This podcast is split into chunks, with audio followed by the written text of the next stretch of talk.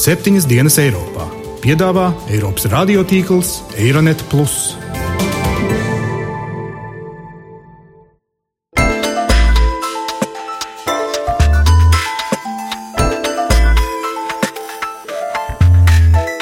Šonadēļ septiņas dienas Eiropā dzirdēsim. Krievija uzskata par savu ienaidnieku numur viens. Tā ir ļoti smalka diplomātiska spēle ar augstām likmēm. Nosauc Orbānu par neofašistisku diktatoru.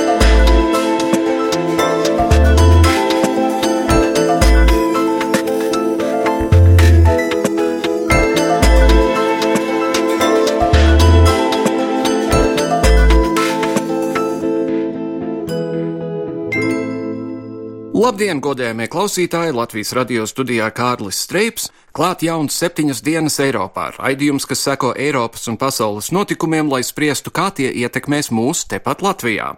Lai turpinātu izdarīt spiedienu uz Krieviju, Eiropas Savienība gatavojas aizliegt visa veida investīcijas Krievijas anektētajā Krimā, tiks apturēts Eiropas Savienībā ražoto preču eksports transporta, telekomunikāciju, enerģētikas, kā arī naftas un gāzes izpētes sektoriem. Šādi Eiropa cer parādīt, ka Krimas jautājums nav aizmirsts, vai, kā vēstīja kāds ar sankciju procesu saistīts diplomāts, pat jau uzmanība bijusi pievērsta Ukrainas austrumiem, Mēs neesam aizmirsuši par Krimu. Par to arī šodien raidījumā, kā sankcijas sāk manāmi ietekmēt Krieviju un kā Maskava, lai panāktu labvēlīgus balsojumus par sankciju pārtraukšanu, sākusi lobēt tai pozitīvāk noskaņotās Eiropas Savienības valstis. Bet vispirms manas kolēģis Gita Siliņas sagatavotais pēdējās nedēļas galveno notikumu atskats.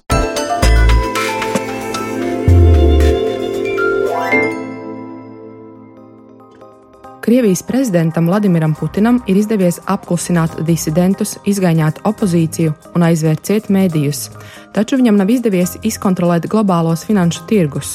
Straujās Krievijas valūtas vērtības svārstības pēdējās dienās izraisīja paniku visā pasaulē.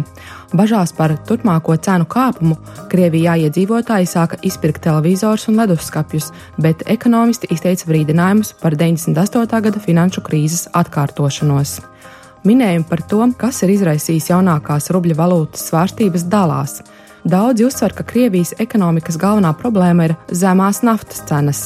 Krievijas budžets bija plānots pie naftas cenas 100 ASV dolāru par barelu apmērā, taču pašlaik barelis naftas maksā 60 ASV dolāru, skaidro Maskavas biežas izpildirektora vietnieks Andrejs Šemetovs довольно-таки нестабильная, волатильная атmosfēra. Ja... Pie tik nestabiliem apstākļiem man izskatās, ka daudzi fundamentālie faktori vienkārši pārstājuši darboties un sākas panika. На текущий момент, конечно, настроение не очень позитивное. Krievijas aģentūra Finmarket vēsta, ka pēc analītiķu domām rubļa kritiens nav saistīts ar naftas cenām, jo naftas cenu kritums nav tik strauji. Kā norādījusi Maskavas Kārnegija centra pārstāve Mārija Litmane, tas drīzāk iezīmē Putina 15 gadus vadītās ekonomiskās sistēmas sabrukumu.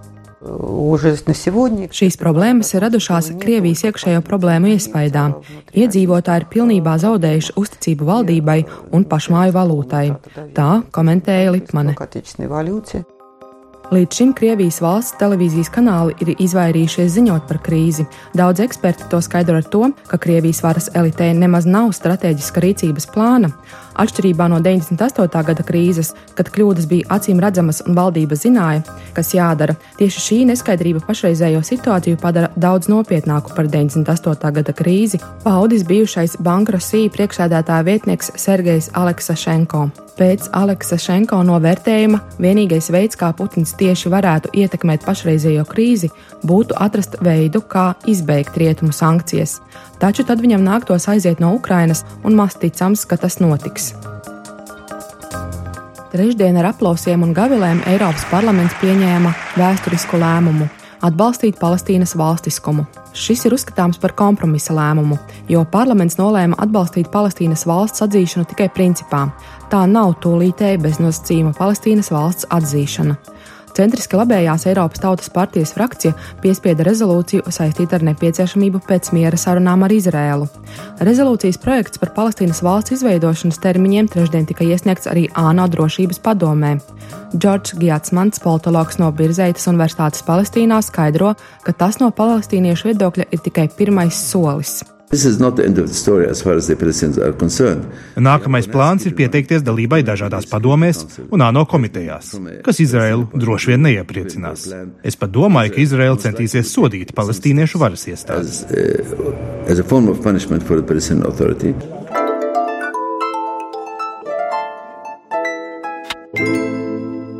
Britu laikraksts The Telegraph vēsta, ka šogad Krievijas ekonomika sarukusi līdz Spānijas līmenim. Pērn Pasaules banka ierindoja Krieviju kā astoto pasaules lielāko ekonomiku, kamēr Spānijai pienācās 13. vieta. Šogad sarakstā abas valstis apmainīsies pozīcijām. Turklāt Krievija visdrīzāk apsteigs arī tādas valstis kā Itālija, Indija, Kanāda un Austrālija.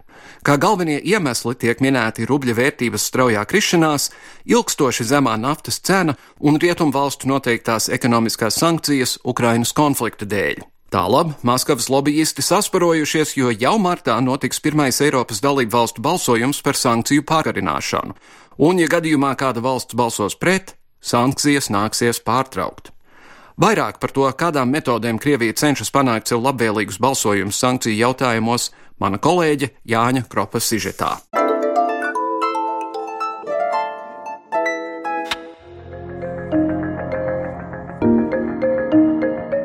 Gada beigām parasti ir raksturīgs aizvadīto 12 mēnešu apskats dažādos medijos, kas šogad pirmajā vietā noteikti ierindos notikumus Ukrainā. Dramatiskais Krievijas rubļa kritums arī noteikti palīdzēs pieliet eļļu ugunītai neskaidrībai un nedrošībai, kas šobrīd norisinās aiz mūsu austrumu robežām.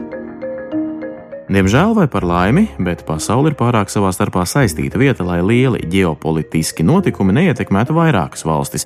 Viena no lielākajām Krievijas un Ukrainas krīzes ietekmes vietām, protams, ir arī Eiropa un tās vienotība. Šobrīd līdz ar rubļa krīzi aktuāls ir diskusijas, cik lielā mērā Krievijas ekonomika brūk tikai zemo naftas cenu dēļ un cik daudz tās krīzē devušas arī ASV un Eiropas Savienības ieviestās sankcijas. Skaidrs, ka lietuviešu vai latviešu piena produktu neesamība Krievijā ir mazāk sāpīga nekā nespēja iegūt papildus finansējumu rietumu bankās. Tāpēc sankcijas noteikti ir atspēlējušās Krievijai svarīgākajos ekonomikas sektoros, kas pārsvarā ir energoresursi un to ieguve. Pirms vēl sākās visa jēzga rubļa dramatisko kritumu, baumoja, ka Krievijas ārlietu dienesti aktīvi cenšas salauzt Eiropas Savienības vienotību, kurai nākamgad vajadzēs lemt par sankciju pagarināšanu vai atcelšanu.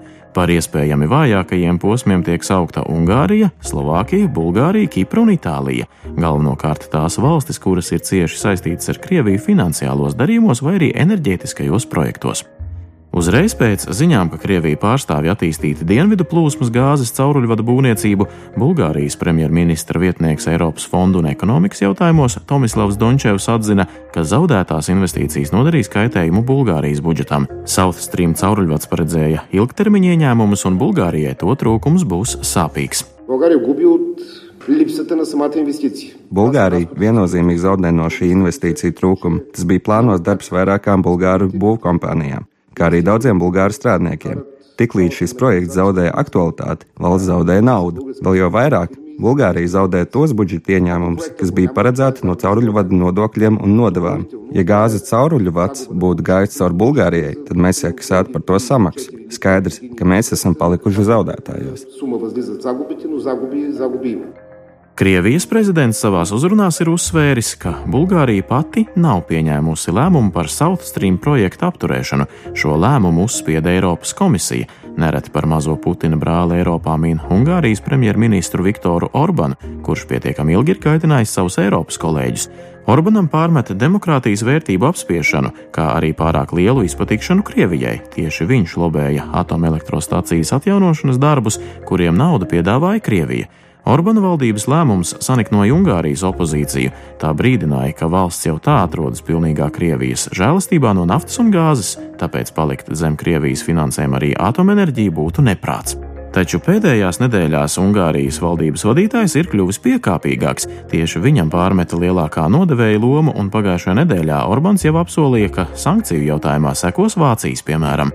Angela Merkele jau ir ieplānojusi apmeklēt Ungāriju nākamā gada sākumā, kad runāts tiks par abu valstu savstarpējo sadarbību. Vācijas uzņēmumi ir lielākie ārvalstu investori Ungārijā.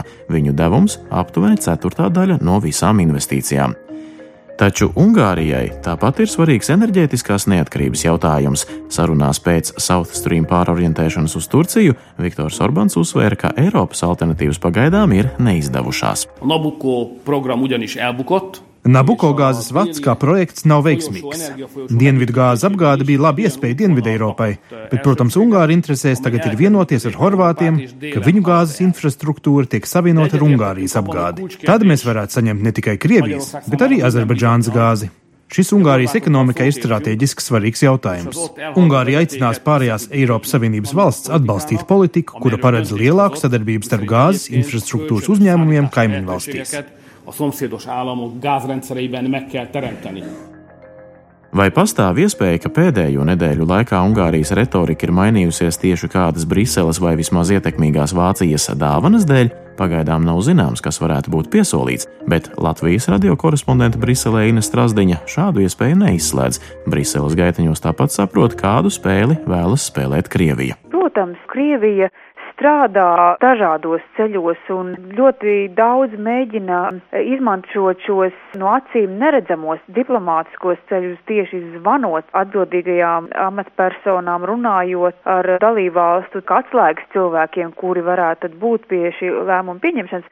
Un, protams, to ļoti labi zina arī Briselē un spēlē pretī, jo tā ir ļoti smalka diplomātiska spēle ar augstām likmēm. Jā, protams, zinot, ka ir šīs, tā kā Itālija, Ungārija, Kipra, arī Slovākija valstis, kuras ir tā kā vairāk simpatizējoši un arī savā ziņā atkarīgas no Krievijas. Ar tā mēģina runāt, mēģina, ja nepiedāvāt, tad panākt kaut kādus teiksim, dāvaniņas e, eksistē, un Ungārijas gadījumā, kura vēlējās, piemēram, veidot e, kopīgu gāzes projektu ar Krieviju, šo Dienvidu straumas projektu, un Krievija pēdējā brīdī atteicās, un tagad Ungārija tā kā arī ir sēkļa. Protams, to redz, to saprot lielās valdības, to saprot Brisele un, protams, mēģina kaut kādā veidā šo situāciju labot, piesaistot valsts citos projektos. Skaidrs, ka rubļa krāks 16. decembrī ietekmēs Krievijas stratēģiju, kā tālāk ietekmēt atsevišķas Eiropas valstis. Dažas simpatizē Krievijai enerģijas vai finansiālo pakalpojumu dēļ, bet citas atklāti simpatizē Kremļa ideoloģijai un pat saņem no Krievijas naudu politiskajai darbībai. Austrumēropas politikas pētījumu centra pētnieks Māris Cepurītis sarunā norādīja, ietekme Kremlim pār atsevišķām Eiropas valstīm ir un paliks. Šobrīd vienkāršāk ir runāt ar atsevišķu valstu vadītājiem, nekā censties izlobēt savas intereses Briselē. Māris Cepurītis arī uzskata, ka ekonomiskās grūtības tikai veicinās spiedienu izdarīšanu no Krievijas puses, jo sankciju atcelšana būtu mazs solis pretim problēmu risināšanai valsts finansēm tik grūtajā laikā. Tieši šajā brīdī Krievija pastiprinās ārējās darbības, lai tomēr mēģinātu novērst sankcijas. Pati Kremļa politiskā elite lielāku uzmanību varēs pievērst, ja viņiem vajadzēs pievērst uzmanību norisēm pašā Krievijā, bet tāpat tiksim, ārlietu ministrija, diplomātskais dienests un varbūt arī slēptākas institūcijas, kā, kā to ārējā izlūkošana. Es domāju, ka viņi savu aktivitāti nemazinās, bet tieši otrādi pastiprinās šajos apstākļos. To, ka Krievija mierā neliksies, paredz arī Briselē strādājošā Ina Strasdiņa. Varam tikai piekrist viņas izteikumiem, ka Latvijas politiķiem un diplomātiem iespējams priekšā stāv ļoti liels pārbaudījums. Nākamā gada pirmā puse aizritēs Latvijas prezidentūras zīmē, bet te jau visi sankciju balsojumi ir noteikti tieši pirmajos sešos mēnešos. Paredzams, ka Krievijas spiediens tikai pieaugs, tāpēc līdz ar Ziemassvētkiem un Jauno gadu varam jau saulēcīgi vēlēt Latvijas politiķiem un ierēģiem ļoti zinošus padomniekus un arī milzīgu izturību. Lai apspriestu Krievijas politiskā un enerģētikas lobby izredzes ietekmēt dažādas Eiropas valstis un kādi ir iemesli šo valstu it kā pielaidīgākai nostājai sankciju jautājumos, šodien studijā Vidzemes augstskolas lektors, ārlietu pētnieks Jānis Kapustāns. Labdien! Labdien! Tā jau tas ir. Krievija ir gandrīz nospiest uz ceļiem, un nu, tagad plosās dažādās valstīs. Cik es saprotu, jūs visvairāk zināt tieši par uh, Ungāriju, kur ir tāds drusku aptrakots prezidents un aptrakota politiska sistēma. Faktiski jautājums, protams, nav tik vienkāršots. Te ir gan plusi, gan mīnusi. Un, ja mēs runājam par Krievijas veikto lobby, tad faktiski lobby veikšana ir normāla. Katras valsts īstenot ārpolitisku rīcību. Lobby veids gan ASV, gan Latvija, un līdzīgi arī Krievija. Un Krievija, protams, vairāk mēģina izdarīt šo te lobby uz tādām valstīm kā Ungārija, Kipra, Itālija, bet ir arī vēl vairākas valsts - Čehija, tiek strādāts ar to pašu Vāciju, Franciju, neapšaubām ir, ir šīs lobby lietas. Bet, ja runa ir konkrēti par sankcijām, gribētos taču domāt, ka Eiropas Savienībai tomēr ir kaut kādas sviras, kurām pat tādus cilvēkus kā Orbānu piespies drusku rimties. Jā, tātad, ja mēs runājam par Ungāriju, tad eh, jautājums ir ļoti interesants. Tātad pašlaik premjerministrs Viktors Orbāns, un savulaik viņš ir bijis stingrs antikomunists, viņš ir vairāk tāds labējs politiķis, un ja mēs paskatāmies uz viņa īstenoto politiku, ir vairāk jautājumu, kurus varbūt viņš arī tā tīri labi ir īstenojis. Viņš, piemēram, ir samazinājis ministrijas skaitu līdz astoņi, viņš ir samazinājis valsts eh, parlamenta deputātu skaitu no 386 deputātiem līdz 199, tātad gandrīz uz pusi, jo, esot Budapeštā, tur ļoti labi redzēt, viņiem tā parlamenta ēka ir milzīga ēka, un tātad deputātu skaita samazinājums, es domāju, tas nav slikti.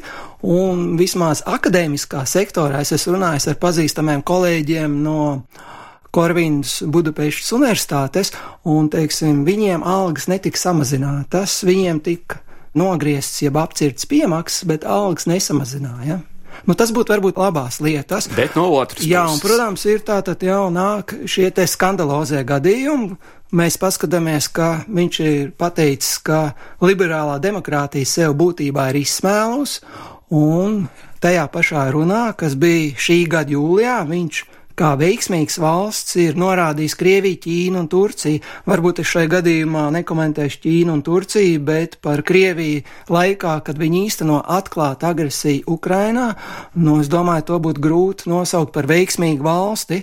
Un tātad iekšpolitiski, protams, viņš ir centies palielināt savus valdošās Fides partijas lomu, un viņš ir lielā mērā ierobežojis arī dažādas pilsoniskās aktivitātes, un viņš ir izpelnījies arī ļoti lielu ASV nosodījumu. Un es tagad paskatījos, tātad, ja Klintons vēl diezgan maigi pateica, ka viņš īsteno autoritāru kapitālismu, Tad senators Makēns jau ļoti radikāli nosauca Orbānu par neofašistisku diktatoru, un pašreizējais prezidents Obama diezgan varbūt tā diplomātiski, bet tomēr arī nav kautrējies viņu kritizēt, nosaucot, ka nevalstisko organizāciju un pilsonisko organizāciju brīvības tiek ierobežotas valstīs no Eģiptes līdz Ungārijai. Tātad Ungārija tiek ievietot vienā skalā ar Eģiptu, un tas jau godu Ungārijai vairs nedara. Jā, Tas nekādu godu nedara arī tām valstīm, kas ir starp Ungāriju. Jā, un, un tad varbūt mēs tad varētu paskatīties, kas ir tie iemesli, kāpēc viņš šādi rīkojās. Vienu no iemesliem mēs varētu, teiksim, izvērtēt tādu, ka Fides partijai koalīcijas partneris ir labēji partija Jobik, kas ir diezgan pret ebrejiem un čigāniem, un paša Orbana arguments ir, ja viņš nebūs nacionalistisks, tad daudz viņa vēlētāji aizies pie Jobik, un šī Jobik partija tiešām ir palielinājusi savu ietekmi. Tālāk, ja mēs skatāmies vēsturiski, tad pēc Pirmā pasaules kara beigām Ungārijas, teiksim, robežas tika pamainītas un miljoniem ungāri palika dzīvot ārpus Ungārijas. Viņi dzīvo Slovākijā, Rumānijā, un šis ir jautājums, kas veicina šo te ungāru nacionālismu un interesanti arī Ukrainā. Tātad ir aizkarpat apgabals, kur ar centru Užgorodā, kur dzīvo nevis pamatā Ukraiņi, bet Ungāri. -hmm. Un tālāk, ja mēs ejam, Vēl mēs varam pamanīt šeit ekonomisko motivāciju, jo Orbāns Viņa īstenotā valdība šī gada februārī noslēdz 10 miljārdus eiro līgumu ar Krieviju, ka Krievija finansēs divus jaunus reaktorus Paksas atomelektrostacijai. Un tā tad jāpaskaidro par šo atomelektrostaciju. Pirmkārt, tā ir padomu laika atomelektrostacija, tur ir padomu laika iekārtas un teiksim, aizvērt ciet un būvēt jaunu, tas Ungāriem būtu pārāk finansiāli dārgi. Viņiem lētāk ir, ja Krievijas speciālisti iesaistās šajā te atomstacijā, plus Krievija piedāvāja izdevīgāku kredītu nekā varbūt Eiropas Savienība būtu gatava piedāvāt, un tātad šeit ir spēcīgs šis te ekonomiskais faktors. Bet ja Eiropas Savienība tagad runā par tālākām sankcijām, tai skaitā pilnīgi aizliegt eksportēt tehnoloģijas un, un tādas lietas, vai no tā neizrietēs arī aizliegt importēt šādas tehnoloģijas? Jā, tas ir labs jautājums. Pagaidām jau lielākās sankcijas tomēr tiek vērstas pret banku sektoru, enerģētikas sektoru un ļoti daudz tiek debatēts par militāro rūpniecību. Un, protams, ka katrai valstī ir kaut kādas arī svīras, kur viņas var tā kā nobremzēt un aizstāvēt savu, var, savus varbūt lēmumus. Ja mēs paskatāmies uz Franciju, to pašu bēdīgi slaveno Mistrāla gadījumu, tad Eiropas Savienības sankcijas būtībā uz šiem abiem kuģiem neatiecās. Cita lieta ir, ka ir NATO partneri ļoti spēcīgs spiediens, kas ir piespiedz Franciju vismaz pagaidām tomēr tos kuģus nedot Krievijai, bet ja mēs skatāmies no Eiropas Savienības puses, tad šie kuģi ir ārpus Eiropas Savienības sankcijām. Jo ar atpakaļējošu datumu tas jā, būtu jā, bijis, jā, tas jā, būtu bijis jā. noteikts, un tas pats droši vien arī ar šiem kodolreaktoriem. Vai jums neliekas, ka skatoties uz to, kas pat labi notiek Krievijā, ka rublis ir gandrīz Krievijas pilnīgi sabrucis. Nav laiks pēdējām cirtienām un, piemēram, Krievija izslēgt no SWIFT sistēmas uz kādu laiku, lai viņa vienkārši tik pilnīgi sabrūk un tad varbūt būs pielaidīgāka.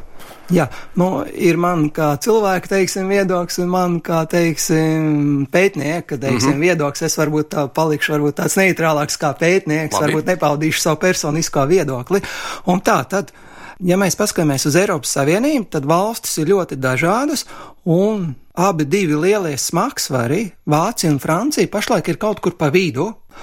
Viņi no vienas puses pagaidām uzstāja, ka sankcijas ir jāsaglabā, viņi ir pret spēcīgākām sankcijām, atbildot uz jūsu jautājumu, Un vienlaiks viņi nav īsti arī laimīgi par sankcijām, jo viņu vietējais bizness, protams, izdara spiedienu, ka sankcijas tā kā vajadzētu atcelt. Un, ja mēs paskatāmies uz Vāciju, tad Latvijas interesēs tā ir dieva dāvana, ka kanclere pašlaik ir Merkele, nevis sociāldemokrāti. Atcerēsimies Šrēderu, mm -hmm. lielo draudzību ar Putinu, un paskatīsimies arī vēsturē agrāk. Sociāldemokrāta viedoklis bija, ka Eiropā Vācijai ir jāveido vismaz kaut kāda veida partneru attiecības ar Krieviju vai Padomu Savienību, sauksim šo valstu vienalga, kā mēs vēlamies, bet ar šo lielo valsti, un ka viņi nevajag izslēgt ārā, ka ar viņu ir jāveido partnerībā.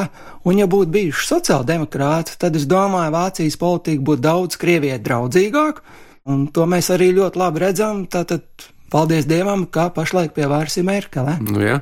Bet, ja par politiskiem uzskatiem, šodien vienā no laikrakstiem bija diezgan interesants komentārs, kurā bija teikts, ka acīm redzot tādiem cilvēkiem kā Orbāns un Marina Lepēna un Farāšs Lielbritānijā, tas, ar ko Putins pat labi nodarbojas, ir pilnīgi pieņemami, tas atbilst viņu politikai un izpratnē par politiku.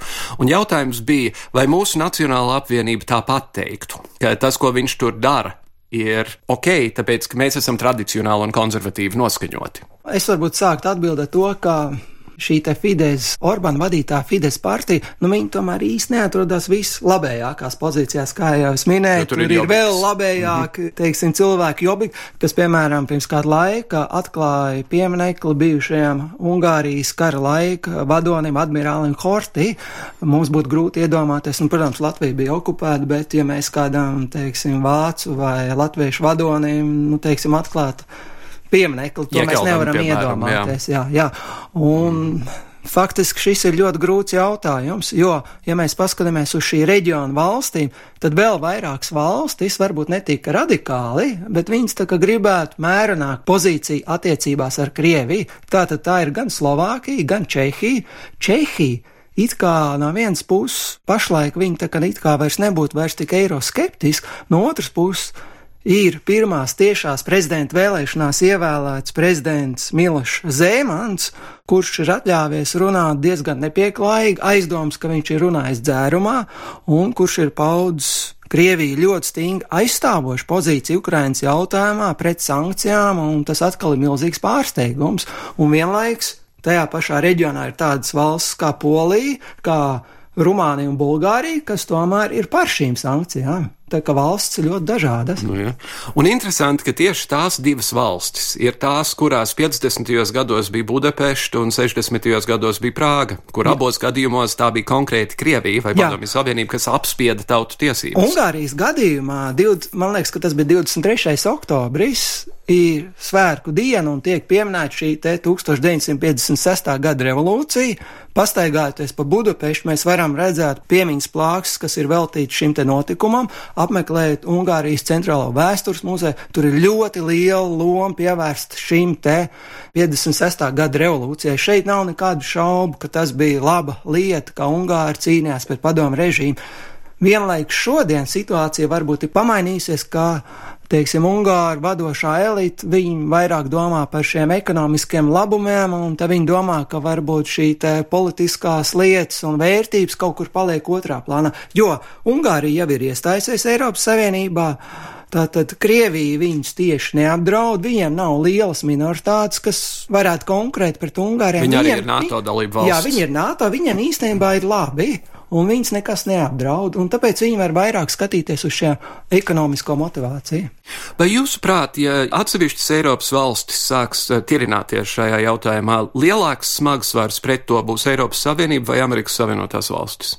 Pašlaik konsekventāk līnija noteikti tātad vērš ASV, jo tikko prezidents Obama ir pateicis, ka Amerika pieņem jaunas sankcijas pret Krieviju un Īstenībā jau valsts līderiem nu, tas nav noslēpums, ka Krievijas karavīri atrodas Ukrainā un aktīvi karo, lai ko arī Putins stāstītu, no valsts līderiem tas ir skaidrs. Un no šāda viedokļa viņi to zina, un ASV, protams, tagad īsteno stingrāku kursu. Un tas ir interesanti, jo Obama kā demokrāta pārstāvs, un viņš īstenībā nemaz negribētu tādu stingrāku kursu. Republikāņiem ir stingrāks kurs, bet situācija tāda, ka Obama īstenībā nevar atkāpties. Un Amerika ir beidzot arī pieņēmusi likumprojektu, ka beidzot amerikāņi ir gatavi sniegt arī tieši militāru palīdzību, ieročus Skaidrs, ka Ukraiņi īstenībā ir gatavi savu zemi aizstāvēt, bet viņiem ir vajadzīga palīdzība. Mm -hmm. Tā sanāk, ka lielā saruna par uh, sankciju pagarināšanu notiks tieši tajā brīdī, kad Latvija būs prezidējošā valsts Eiropas Savienības padomē.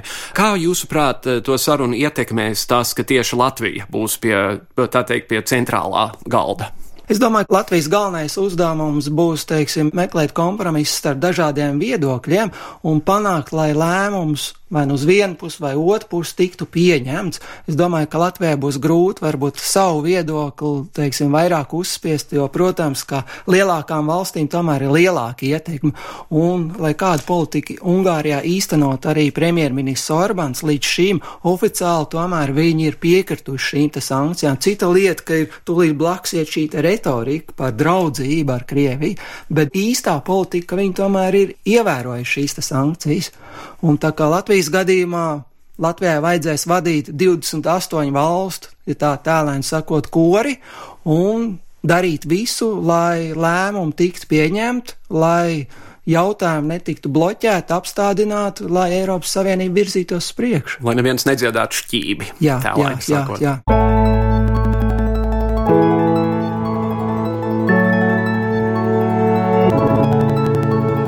Vai jums ir iespējams eh, kaut kā paredzēt, kā šī lieta eventuāli varētu beigties? Es domāju, ka šodien paredzēt to laikam mēs neviens nevaram. Mēs jau arī nezinām pēc nedēļas, piemēram, kas būs ar rubļu kursu. Te ir jābūt ļoti, ļoti piesardzīgiem. Jā. Tas kurs var gan nostiprināties, gan krist, vai ne?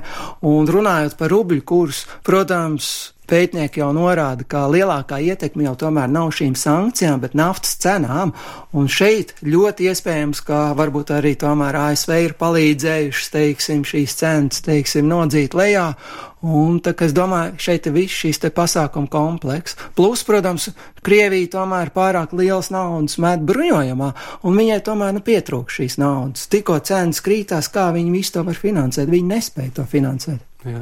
Ukraina ar laiku būs brīva un vesela varbūt bez Krīmas, bet tomēr. Es domāju, ka Ukraina nekur nepazudīs, Ukraina nesabruks. Ukrainā īstenībā tagad tikai veidojās valsts, un, protams, situācija atkal nav viennozīmīga. Daudz cilvēku tiek vienkārši uz ielām savākt un iesaukt armijā, un vienlaiks ir daudz cilvēku brīvprātīgi. Tā, tā situācija ļoti, ļoti pretrunīga, bet skaidrs ir, ka ļoti daudz cilvēku Ukrainā tagad attiecībā uz Krieviju uzskats par savu ienaidnieku numur viens, un viņi cīnīsies, viņi nepieņems kaut kādu kapitulāciju. Jā. Tieši pirms simts gadiem bija tā dēvētā Ziemassvētku uguns pārtraukšana Pirmajā pasaules karā, kaut nu tā būtu arī šogad. Jā, es domāju, tā ir ļoti laba tradīcija. Man nav ziņa, vai šāda tradīcija notika Austrumfrontē, kur, piemēram, arī latviešu strēlnieki karo, bet uh, Rietumfrontē tiešām vācieši, briti, kanādieši, amerikāņi, viņi, teiksim, Ziemassvētku laikā apturēja savus kaujas darbības, viņi kļuva parasti cilvēki, brāļojās un, teiksim, ignorēja priekšniecības pavēles. Jā, būtu jauki. Jā. Jānis Kapustāns, paldies jums par sarunu! Ejiet, bērni, skatīties, kas pa namu rībināja. Ziemassvētki namu slauka visus traukus cilādami. Mēs septiņas dienas Eiropā arī novēlam jums svētkos namus laucīt, traukus cilāt un bērniem priecāties. Laika redzējums un par to, kas mūs sagaida tuvākā nākotnē, mākslinieks Roberts Koļcaus. Tad ārā ir ziema bez tā raksturīgā zemes seguma. Tas nav sniega. Ja? Tāds ir šobrīd laiks. Man negribētos ļoti lokāli šai prognozē pieiet, jo viņa, cik es saprotu, nu, kādā mēs skatāmies gada griezumā, pieņemsim, nākamajam gadam. Tātad tur vajadzētu uzreiz domāt par ne tikai Latviju, bet par zemeslodi kopumā. Tātad zemeslodi kopumā ir hermafrodīts. Tuvāk Ziemeļpolam un Dienvidpolam viņš ir sievišķīgs, tuvāk ekvatoram vīrišķīgs.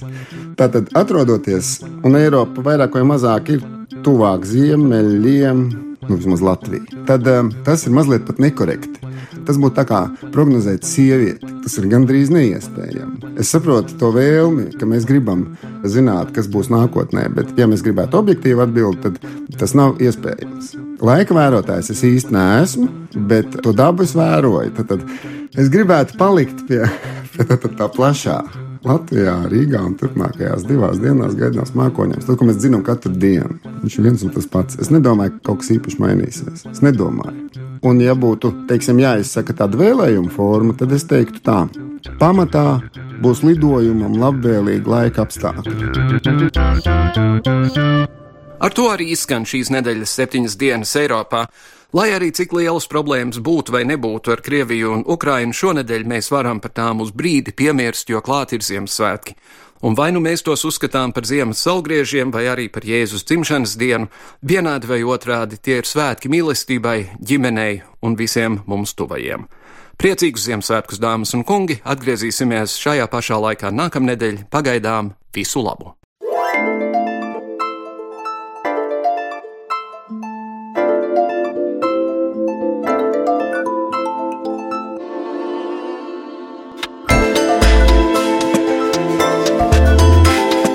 Raidījumu veido Kārlis Streips, Gita Siliņa un Jānis Krops. Producents Lukas Rozītis.